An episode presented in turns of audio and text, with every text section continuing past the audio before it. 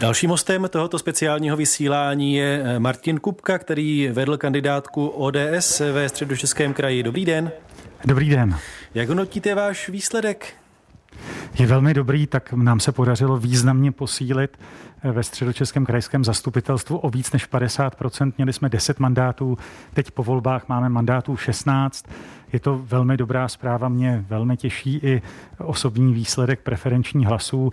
Chci především moc poděkovat všem voličům, kteří nám dali důvěru a pomohli nám k tomu, aby teď se středočeský kraj opravdu změnil k lepšímu a e, zároveň chci poděkovat všem, kteří přišli i přes e, hrozbu koronavirové infekce k volbám a že dokonce ta volební účast je vyšší než před čtyřmi lety a to o 5%. Sám zmiňujete preferenční hlasy, které jste dostal. E, I s uvědomí toho, že vás takhle přímo lidé zakroužkovali, tak jste ochoten přenechat post hejtmana, respektive hejtmanky hnutí stan, které zvítězilo ve středu Českém kraji? Jak jste řekl, hnutí stan zvítězilo, povedeme další jednání, nepochybně o tomhle bude řeč.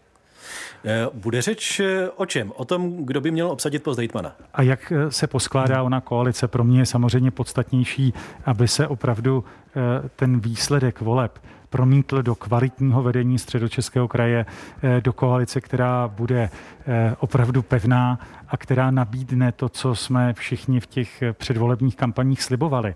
Změnu stylu politiky, eh, lepší zprávu a údržbu silnic, investice do zdravotnictví a s ohledem na to, co nás čeká a že čelíme krizi, tak eh, tohle opravdu bude velmi intenzivní a těžká práce. A je to podstatnější než eh, jednání o jednotlivých postech. Víte, pane místo předsedo ODS, nám tady vrtá hlavou, jak to bude mít ODS například v tom středočeském kraji uvědomí toho, že naposledy jste měli hejtmany v roce 2008.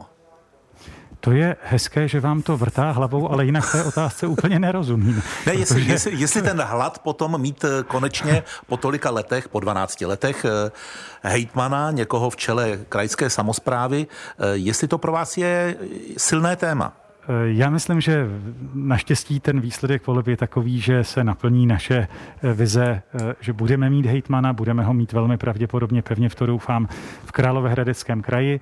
Samozřejmě, že bychom si přáhli hejtmana v dalších regionech, ale znovu říkám, to není to nejpodstatnější. Martin Kupka, místo předseda občanské demokratické strany, byl dalším hostem volebního speciálu radiožurnálu a Českého rozhlasu Plus. Děkuji, hezký večer, nashledanou. Díky za pozvání, hezký večer.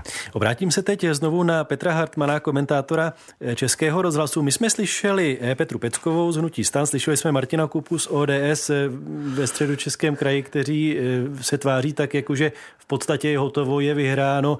Bude to opravdu tak jednoduché vyjednávání?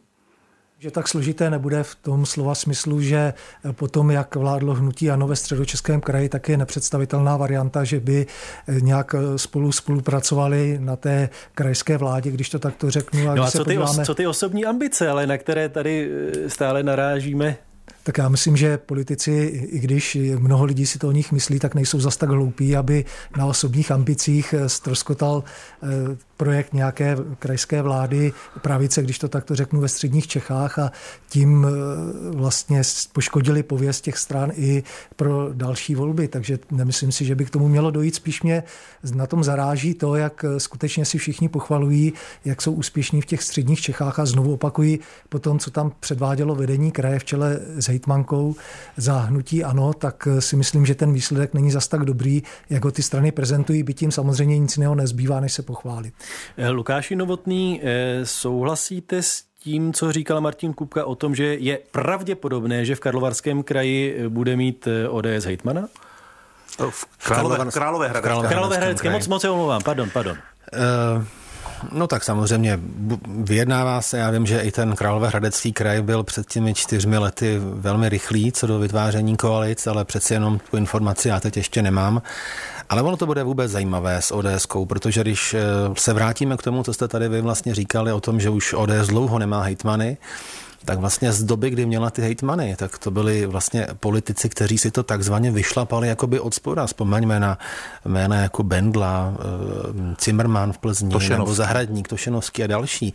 To byli lidé, kteří skutečně na to šli od spoda. Teď se podívejte, že ODS i třeba v tom středočeském kraji vlastně nasadila už jako, jako opravdu jako velké číslo místo předsedu strany člověka, který vlastně sice je stále ještě starosta, ale pořád jako e, těží z toho, že je znám z těch horních pater politiky. Je to zase úplně jiná cesta a asi to je nějaká cesta, jak, jak se v, tom, v té době té roztříštěné koalice nějakým způsobem zalíbit a být úspěšný kor v takovém složitém kraji, jako je středočeský kraj. On Martin Kupka to na středočeském kraji velmi dobře zná, protože no. za doby hejtmanství Petra Bendla tam byl mluvčím, takže pro něj to není úplně cizí úřad. Přesně.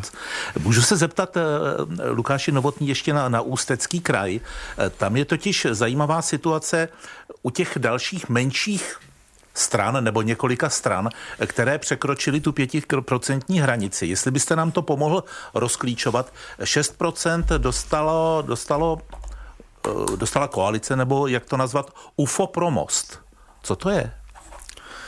To je regionální uskupení vysloveně, které, které vzniká. Víte, ono severní Čechy jsou, nebo obecně ten ústecký kraj je plný takovýchhle, eh, řekl bych, až ufoidních uskupení, jako jsou třeba Severočeši, nebo právě UFO Promost, nebo je, je tam vlastně velmi rozšířeno takové to, takové to hnutí pro něco, pro Teplice, hmm. pro Ústí a tak dále. Pak je tam koalice JP, Les, ED, Z a TOP což eh, je další vlastně důkaz toho, že celá řada stran není v Ústeckém kraji skutečně zakotvena. Hmm. Pokud se podíváte na tu stranickou strukturu v České republice, na ten stranický systém, strany jako KDU ČSL, TOP 09 a další prostě v Ústeckém kraji nenaleznete. A i když se podíváte na výsledky eh, do krajských zastupitelstev eh, v roce 2016, tak zjistíte, že ten Ústecký kraj měl v tom zastupitelstvu jako jeden vůbec z mála krajů, měl tam prostě jenom pět stran, to znamená hrozně málo a samozřejmě se dalo očekávat, že ten ústecký kraj eh, tím, že komunisté jsou v podstatě v rozkladu, hejtman Bubeníček už eh, ohlásil, že nebude kandidovat. ČSSD je rozložena dneska na její členy, vlastně najdete v podstatě na dvou až třech kandidátkách a to účelově před volbami v roce 2016 vzniklé uskupení SPD, SPO se též vlastně rozpadlo, takže bylo zřejmé, že v Ústí nad Labem v tom kraji se chystá zemětřesení a teď bude zajímavé samozřejmě, jakým způsobem to dopadne, protože eh, ano, tam samozřejmě zvítězilo, zvítězilo pořád ještě s velmi úctyhodným rozestupem a teď, eh, teď to prostě bude na, na tom lídrovi Schillerovi, jakým způsobem to zvládne, protože na mě to působí, že v rámci kampaně on to nechával hodně na Andreji Babišovi a že vlastně jako nebyl nijak extra aktivní, ale teď bude muset skutečně už eh, na té, na té, na té regionální úrovni prostě vyjednávat.